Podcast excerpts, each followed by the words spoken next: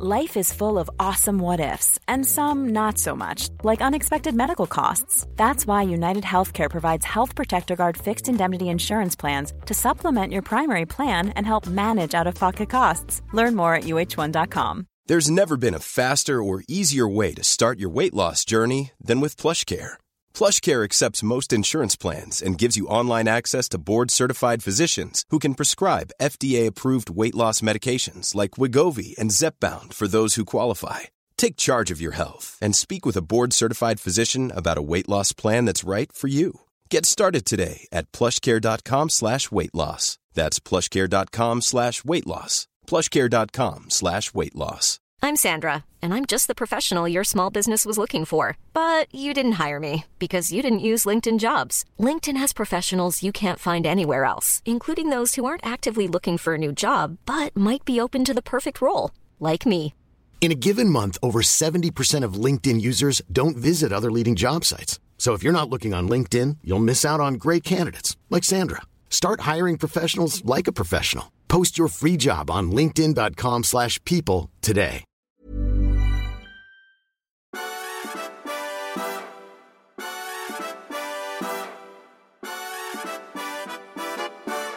God morgon, en särskilt god morgon till dig. Hej på dig, tack ska du ha. Varsågod. Tänkte du på något speciellt? Mm, jag tänkte faktiskt på en sak. Eh, eh, Alse Lind, kommer du ihåg honom? Alse Lind, han var, eh, han var redaktionschef på Expressen. Ja, Magnus. jag har aldrig jobbat med honom men Nej, jag kan inte säga att jag har jobbat så mycket med honom heller, men jag har haft med honom att göra. Jag var kolumnist i Expressen rätt länge. ja. Tills de sparkade mig. Åh, så förskräckligt för Ja, dig. förskräckligt. Stack, jättestackars. Ja, det var förskräckligt. Eh, eh, och så sa de att de skulle ta bort alla kolumnister. Nu tog de in David Dahlkrans istället. Så att det är ju frågan om hur mycket man säljer uppenbarligen. Ja, det, ja, de slirar runt lite grann. Ja.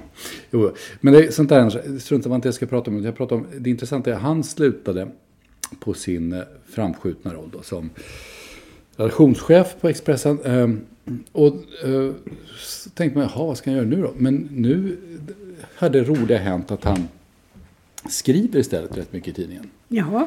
Och han, han, är, han är en riktigt, det är en riktigt bra reporter. Han skriver intressanta saker.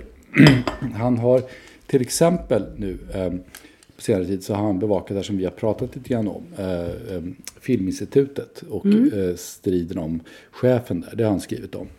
Eh, Gunilla von Plater och eh, eh, hon vars namn jag inte har i huvudet nu som var avgått. Och eh, vem som möjligtvis kan bli nästa chef och vad sparkningen berodde på allt det där. Men nu skrev han också, apropå Nobelpriset i litteratur. Vi är ju inne i en sån här Nobelvecka där vi får reda på massa pristagare. Skrev- Norrmannen, Jon Fosse. Jon Fosse, ja. Då skrev han om det att, att eh, och, jag måste i ärlighetens namn säga att Expressen är väldigt effektiva på ett sätt. De tog bort min eh, gratis läsning av Expressen när jag slutade skriva för dem. Så jag har inte kunnat läsa hela artikeln för den är låst. För du tänker inte betala för den? Ja, jag skulle kunna göra det men jag har bara inte orkat. Eh, Men han har i alla fall skrivit en artikel som jag, som jag förstår den rätt så går den ut på att problemet med Fosse, men kanske också med andra pristagare i litteratur, är att de inte är så viktiga för bokbranschen längre därför att de sällan säljer bra ljudböcker. Och ljudböckerna har blivit mycket viktigare. Och det tycker jag, det är väl ett kvalitetstecken hos, eh, hos eh, Nobelpristagare i litteraturen då, att de inte säljer i ljudböcker. De, de, säljer inte, de säljer pappersord. de Ja, säger rik, riktiga, riktiga böcker säljer de. Riktiga böcker. Mm. Intressant. Jag tyckte... Jag kände väl själv att jag inte kunde uppbåda särskilt stort intresse. Nu tror jag inte att det beror på det här med eh, att jag är någon ljudbokskonsument. För det är jag inte. Nej, det vet vi att det inte beror på. Det vet jag. Mm. Och du också. Nej, jag tror att... Eh, eh, jag, jag blev faktiskt lite, jag är lite förvånad själv över att jag inte är så intresserad. Det, men det har... Någonting som får mig avtänd på alltihopa är lite grann det här att det känns som en sån intern affär för litteraturvetare, eh, kritiker, eh, kultursidor. Jag är inte så intresserad av Ehm, det här. Det, jag, jag lade märke till att man kunde säga i år att fel norrman fick priset. Det kunde ha varit till exempel Karl Ove Knausgård. Ja. Eh, och och då, då måste jag säga att det är så lustigt för det säger ju allting om att det där pristagares-namnet relateras till vad eh, kultursektorn kan. Hade det här varit en, en polynesisk eh, poet. Ja. Så hade ingen sagt Fel fel, polynes. vann. Ja, det sant. Men det, och det där har varit lite kul med, med Jon Fosse just tycker jag. För att han har ju stått på den här korta akademilistan i spekulationerna i åratal. Och det finns någon sån här dubbel, det finns en kluvenhet bland, eh, bland eh, kulturskribenter märker man. När det blir en sån här kandidat som de faktiskt har läst och har på listan och vet rätt mycket om. Därför att de måste å ena sidan skriva en väldig massa om honom. Men å andra sidan så vet de att alla andra kommer att skriva en massa om. Och alla andra kan massa Och saker då om honom. sjunker motivationen. Ja, lite grann sådär. Alltså, Det är Mm. ingen som kan komma ut och strida och tala om att Nej, men jag har läst den här polynesiska poeten och jag är det bäst på inte du. polynesisk poesi i Sverige. Nej, precis. Det finns den här eh, statusmarkeringen av eh, hur väl man känner till eh, pristagaren. Den, den har liksom eh, fallit bort lite grann i år. Eh, fast det är intressant att se att det fortfarande blir en så stor grej. Alltså han var, Fosse var på första sidan på flera tidningar. Eh, Jag fick ju en nyhetsflash från New York Times direkt. Ja, allra första av alla. Och han ser, eh, men han, det är lite roligt för han, han verkar bara ha ett ansiktsuttryck, Jon Fosse. Och det är ju inte sådär direkt entusiastiskt om vi, om vi uttrycker oss försiktigt. Nej, han beskriver sig själv som lite introvert och eh, Ja. tillbakadragen från världen. Han kanske inte vill bli betittad. Ja, det är möjligt. Och det är väl kanske inte den första eh, litteraturpristagaren som är det i sådana fall. Men det är lite intressant att se att det finns liksom inga... Det var många som valde att göra teckningar av honom. Och det kanske beror på att... att eh, Bilderna var så pass tråkiga. Ja, att det blev lite för trist med en bild. Med på en skägglurv. Som Ja, alla de som önskade sig en kvinna, en kvinna, de, eh, de fick ju bita i gräset. Det är alltid roligt med kvinnor som har liksom lockigt hår och stora ögon och Ja, och sen, höga var- kinder och sådär. Det ställs lite frågor innan priset delades ut. Sådana här idiotgrejer som alltid görs i radio nu med att man frågar folk som inte har en jävla aning om litteratur. Vad de tycker, vem som ska bli Mm. litteraturpristagare. Mannen på gatan, det som alltid ska göras nu för tiden.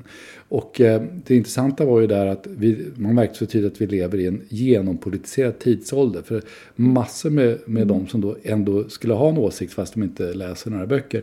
Eh, hade då politiska åsikter. Att det ska vara någon som var mot Ryssland. Det skulle vara en kvinna. Det skulle, Det ska vara en kvinna i år igen. Ja, Det och var- sådär. var- Ja. Ja. Det var ingen som sa, jag hoppas att det är någon som skriver bra.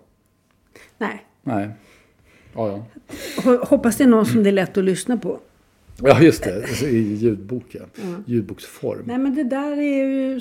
Där ehm, kan man ha en åsikt. Ett, ett annat område som jag uppmärksammade här i veckan på två, Mm. från två håll. Där man eh, eh, då inte tycker att man ska ha någon uppfattning alls egentligen. Det, det tycker jag är intressant. Idag, igår var det, så fanns det en nyhet om CSN som hade lyckats ge studiemedel till Ja. Killar som upp, ha- hade uppgivit att de skulle bli poet, eh, vad heter det? Piloter. Piloter. Ja, det var lite skillnad. Det, det, var, det, det fanns mer pengar i den här branschen. De skulle bli piloter. Mm. Och eh, då hade man inte kollat upp det här. Utan eh, efter ett tag så hade man förstått att nej, men de hade ju inte de erforderliga intygen för att kunna bli det. Så det var inte, det var inte så det var. Men de hade fått studiemedel i varje fall. De hade fått det. Mm. Och eh, då hade CSN uppgett här då till Svenska Dagbladet att eh, det ingår inte i deras regelverk att granska flygmedicinska dokument från Transportstyrelsen. Nej. Och det verkar det då som att de här kriminella killarna hade känt till. Så att eh, det var därför de fick ut pengarna. Eh, Och det är jätteintressant det här att, att eh, det finns otroligt många tjänstemän som talar om att de inte kan göra saker. För att det står inte i lagen eller finns inte i regelverket. Och då la jag det bredvid en väldigt intressant artikel av Per Baum som är professor emeritus i praktisk filosofi vid Linnéuniversitetet. Han är en utmärkt person. Ja, han för han skriver hade- mycket spännande saker. Han hade, ja, råkat skriva precis eh, samtidigt. Den här är naturligtvis lika aktuell varje vecka, det inser jag också. Eh, Mm. I fokus alltså. I Fokus, en artikel Tidningen om Fokus. att svenska byråkrater har slutat använda sitt omdöme. De är mer rädda för att göra fel än angelägna att göra rätt. Och så drar han slutsatsen att moraliskt omdöme är en bristvara i svensk offentlighet. Ja, Eh, det låter att sannolikt. Och att man, när man hör att det, tonaliteten är sådär döv och entonig så säger han att det handlar åtminstone delvis om en inövad likgiltighet för moralresonemang. Och det tycker jag var otroligt intressant. Det ingår inte i våra uppgifter att granska eh, flygmedicinska dokument. Mm. Nej, men man kan ju då också tillägga att det ingår inte i CSN uppgifter att eh, dela ut eh, studielån på felaktiga grunder. Så då måste man alltså vara eh, helt enkelt stänga av sin önskan om att, att det är viktigt att göra rätt. Eh, och för en, för en rädsla för att göra fel. Han är väldigt bra på det. Han, han, eh, han har skrivit mycket om rättsväsende också. Han är lite specialist på just eh, rättsfilosofi och sånt där. Mm. Och, och det är ju väldigt intressant för att just det här som aspekten som han tar upp i den här artikeln också. det vill säga att använda sitt omdöme. Det är ju egentligen vad det handlar om när det gäller lagtolkning. Och där har han skrivit en hel del intressanta saker om juristers eh, oförmåga att liksom föra resonemang om, om sin lagtolkning. Att, att eh, han skrev ganska tidigt, det var när det var innan gängkriminaliteten var så mycket på tapeten, det var mer när vi hade att göra med terrorismanklagade eh, och så tror jag. Där han påpekade att, att, att eh, om man tittade på hur hur lagarna tolkades av svenska jurister så, så handlar det inte om att man skulle utesluta rimligt tvivel utan att man skulle liksom utesluta orimligt tvivel. Man kunde i stort sett stå där med pistolen i handen och mm. liket framför sig och man blev ändå inte dömd i Sverige. Eh, det där är intressant för han rör sig just i den här eh, zonen som eh, svenska jurister, men svenskar tror jag i allmänhet, och nu pratar han ju mer generellt om, om tjänstemän, inte ens vill ska finnas, nämligen mm. en slags omdömeszon. De vill, man vill inte Nej, stå för man vill någonting. inte det. Och eh, om du pratar med jurister som är inne i debatten så är, håller de ju till 100% med om det här. Det är väldigt svårt att få en jurist att eh, vilja prata om de här frågorna, ja, om de här ja. zonerna.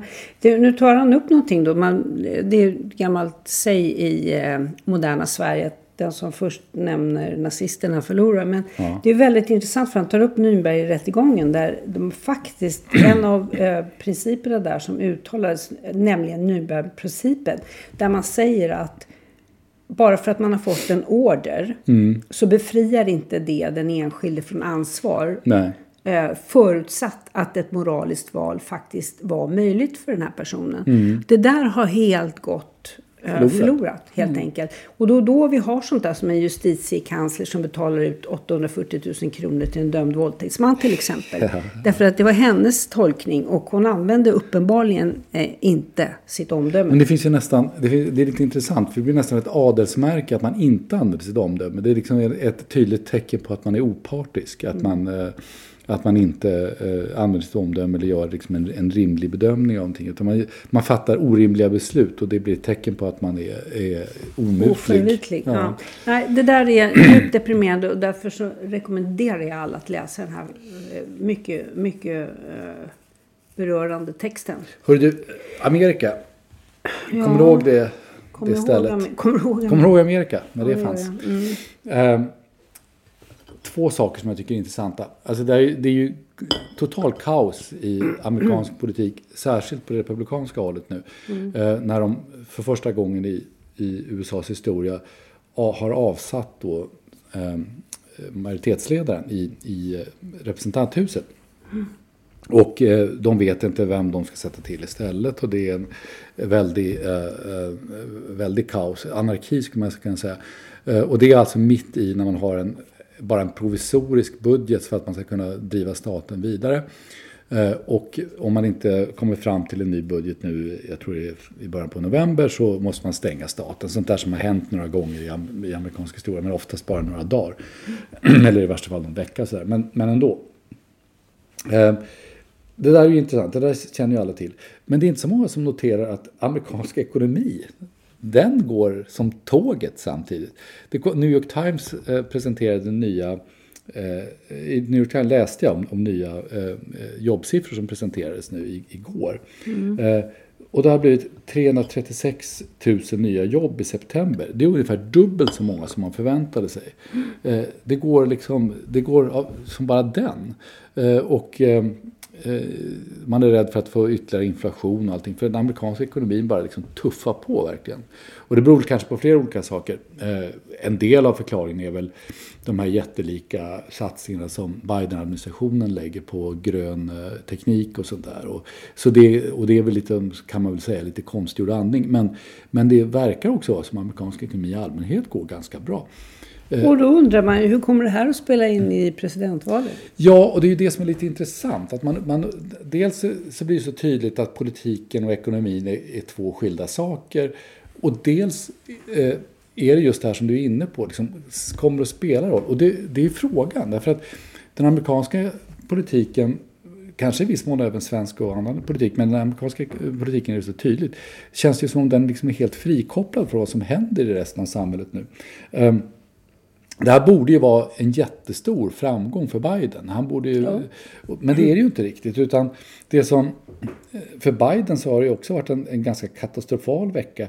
Um, den roligaste katastrofen för Biden att läsa om den här veckan har ju varit att hans hund, Commander, eh, biter folk. Biter folk, ja. En chefer, ja. tvåårig chefer.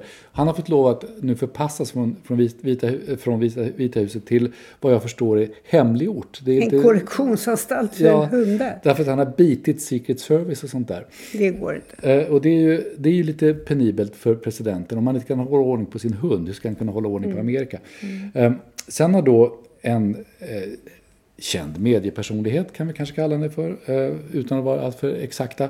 Hon heter Sage Steele, hon jobbade på ISPN, den här sportkanalen, rätt länge. Hon gjorde en intervju med Biden för två år sedan. Hon har nu kommit ut och pratat om att det var genant att göra den här intervjun därför att det var uppenbart att Biden kunde inte slutföra sina meningar, han kunde inte hålla en tanke i huvudet, han verkade helt punschig. Hon, ska vi säga, bara med för säkerhets skull, verkar ju vara eh, lite originell på olika sätt också. Hon fick sparken från ISBN för hon hade synpunkter på vaccin och sånt där. Men, men det där var ju ingen mm. riktigt bra nyhet för Biden. Och sen då, ovanpå det, så har det nu dykt upp, dykt upp en, en farlig konkurrent till Biden som inte är republikan och inte demokrat utan som heter Cornel West och är en så kallad filosof och rappare som eh, nu säger att han vill bli presidentkandidat. Och först så skulle han kandidera för, för amerikanska miljöpartiet, eller The Greens.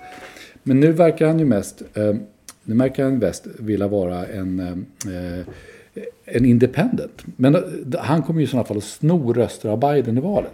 Alltså jag tycker lite grann det här att eh, ekonomin inte skulle stödja Biden är ju en intressant kommentar på det sättet att vi fick ju signaler från amerikaner vi känner att man kunde tänka att det fanns folk som röstade Trump helt enkelt bara därför att de tyckte att han försvarade deras ekonomi. Så, Låga skatter, ja. ja, det spelar nog fortfarande ja, så att I så fall så borde det ju faktiskt kunna vara så att det här eh, skulle avspegla sig. Ah, ja, vi får väl se. Men det, fast jag tror olika saker. Jag tror att det tror jag säkert spelar roll. Att, att om man är rädd för att man ska betala väldigt mycket mer i skatt, då kan man nog välja och rösta på något annat. Det finns ju till exempel en stor flykt av personer från New York till Florida. Och det beror ju inte, inte bara på eh, så att säga, politiskt ideologiska skäl eller klimat. Det beror ju på att skatterna är så vansinnigt höga i New York om du är, är rik. Men det är ju en sak att skatter spelar roll. En annan sak är att ekonomins eh, funktionssätt, eller liksom hur, ekonomins aktivitet, hur, hur den spelar roll. För... Ja, men det verkar ju spela roll. Alltså hela ekonomin eh, mår bra för tillfället. Jo, ja, men jag menar, det verkar inte, spela, verkar inte spela, avspela sig i politiken. Det var det som var min poäng. Mm. Alltså det verkar inte riktigt, det har vi inte riktigt sett än. Hör du, apropå skatter, det var ju intressant att du tog upp det där. Vi rörde oss i några kvarter i Stockholm här mm. för några dagar sedan. Och jag gjorde en note to self, som det heter på svenska, eh, om någonting som jag kallar för skatteskämt som gjorde mig osannolikt trött. Nämligen de här, Stockholm är ju fullt med upprivna gator och eh, nerrivna hus och liksom kvarter som ska göras om.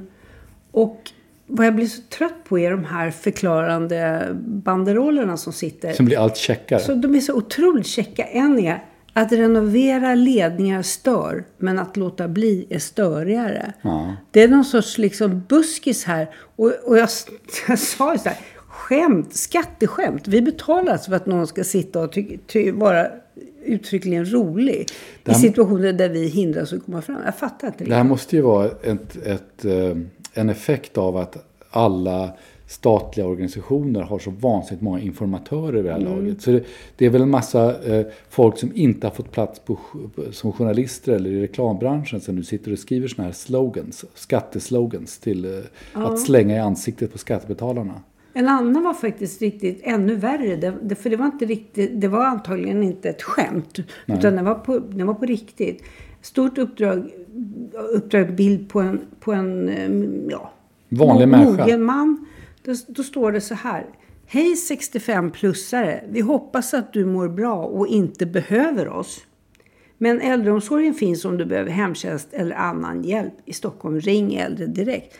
Jag tänkte bara, men vänta, det här, är ju, det här, det här måste vara total osanning. Alltså, en 65-plussare som känner att de behöver hjälp med städning kan väl inte få hemtjänst att komma hem. Och ska man verkligen tala om för folk att man hoppas att de inte ska höra av sig eh, eh, på stora reklam... Nu är det väldigt gammaldags tycker jag. Det är Jaså, klart att man ska, okej. Ja, man ska skämta till det. Men det ska bli intressant att se om de kommer att göra sådana här käcka kampanjer nu när de höjer alla skatter och, eh, i Stockholm. Och, eh, Hej 65 plus, och höjer hoppas du tycker det är okej avgifter. att betala högre skatt. Ja, det är häftigt. Får återuppliva den här gamla Mona Sahlin-grejen om att det är häftigt att betala skatt. Eh, Det är, nu höj, alla skatter höjs, alla avgifter verkar höjas. Parkeringsavgifterna ska ju höjas med en faslig massa. 45 procent. Och SL-kortet ska bli ännu dyrare.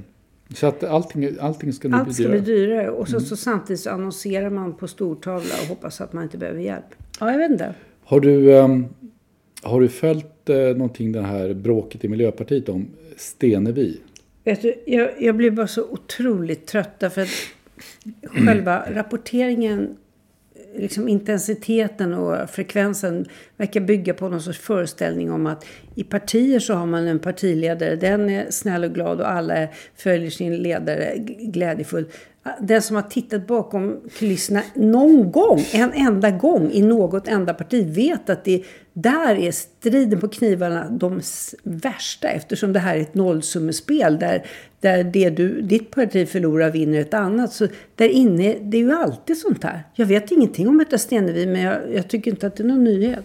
Nej, hela storyn är ju att hon ska vara en hemsk chef. Och, Mm. och eh, facket har tydligen skrivit under på saker. Jag tycker att det, alltså det, det är en, det är en svår fråga att ta ställning i när man står utanför. På det sättet att å ena sidan är det alltid lite roligt att se särskilt moraliskt högtstående politiker eh, som eh, ryktas vara skitstövlar eh, bakom kulisserna. Det är alltid lite kul. Å andra sidan så är det alltid jobbigt med, man vet precis den här typen av gnälliga anställda som alltid tar alla tillfällen i akt att sticka kniven i ryggen på sina chefer offentligt. Alltså, jag har funderat länge på den här frågan eftersom jag, då, jag vet inget mer än det som skrivit i pressen så jag kan ju liksom inte dra några slutsatser utifrån vad som faktiskt är sant. Och jag har kommit fram till en kompromiss.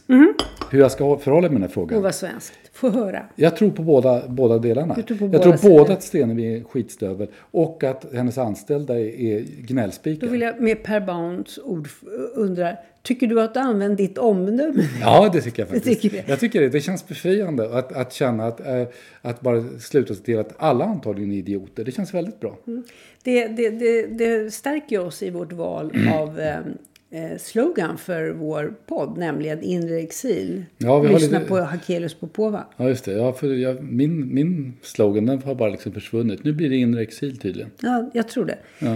Eh, nu ska jag använda mitt omdöme till att påpeka för dig att vår tid är jag inte måste, nu. Det är bara en sak som jag måste slänga in. Okej.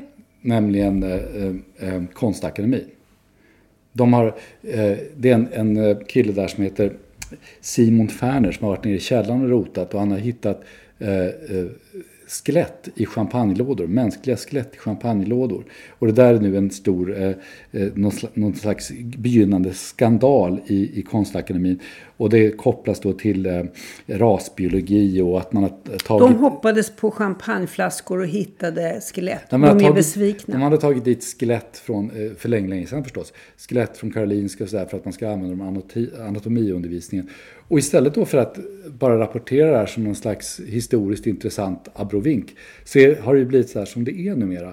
Det har blivit en, nu ska det här vara en stor skam för, för Konstakademin. Och eh, det ska liksom begås räfst och rättarting. Och det är så roligt, liksom. det här är typiskt eh, aktuella just nu. Att man använder historien som läskiga huset. Det är liksom att det har hänt saker förut som man inte tycker är så bra. Mm. Det, någon måste skämmas för det. Alla ska Det hålla, känns jobbigt för dem på Konstakademin. Men vet du vad? men det är typiskt, alla ska hålla sig ansvariga för historien. Men ingen ska hålla sig ansvarig för det som sker idag. Nej. Det är typiskt. Jag säger, jag säger bara så här. Konstakademin, lev med det. Ja, Tack för idag. jaha, nu var det slut då. Det var det slut. Hej. Hej.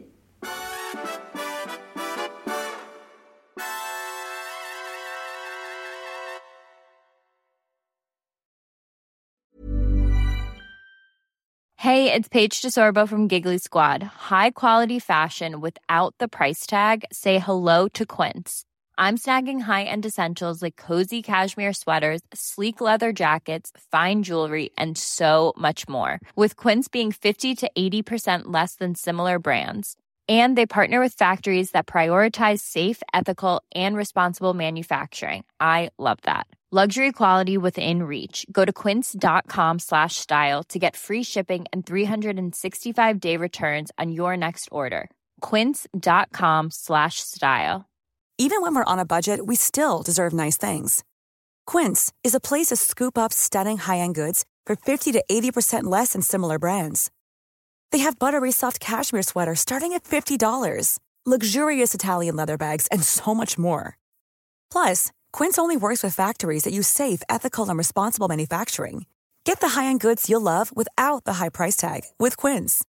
Go to quince.com slash style for free shipping and 365-day returns. Confidence starts with loving who you are. And when your skin feels nourished and glows on the outside, you naturally radiate confidence from the inside. Give your skin a glow up with Osea's clinically proven Mega Moisture Duo. This ultra hydrating body care features two of Osea's best sellers, Undaria Algae Body Oil and Undaria Collagen Body Lotion. These seaweed powered heroes use skincare level ingredients normally reserved for your face for results you can see and confidence you can feel. Osea has been making clean, clinically proven seaweed infused face and body care products for over 28 years. This luxurious skincare is vegan, cruelty free, and climate neutral certified, so you never have to choose between your values and your best skin. Glow from the inside out. Get 10% off your first order with code GLOW at OseaMalibu.com. That's O S E A Malibu.com code GLOW.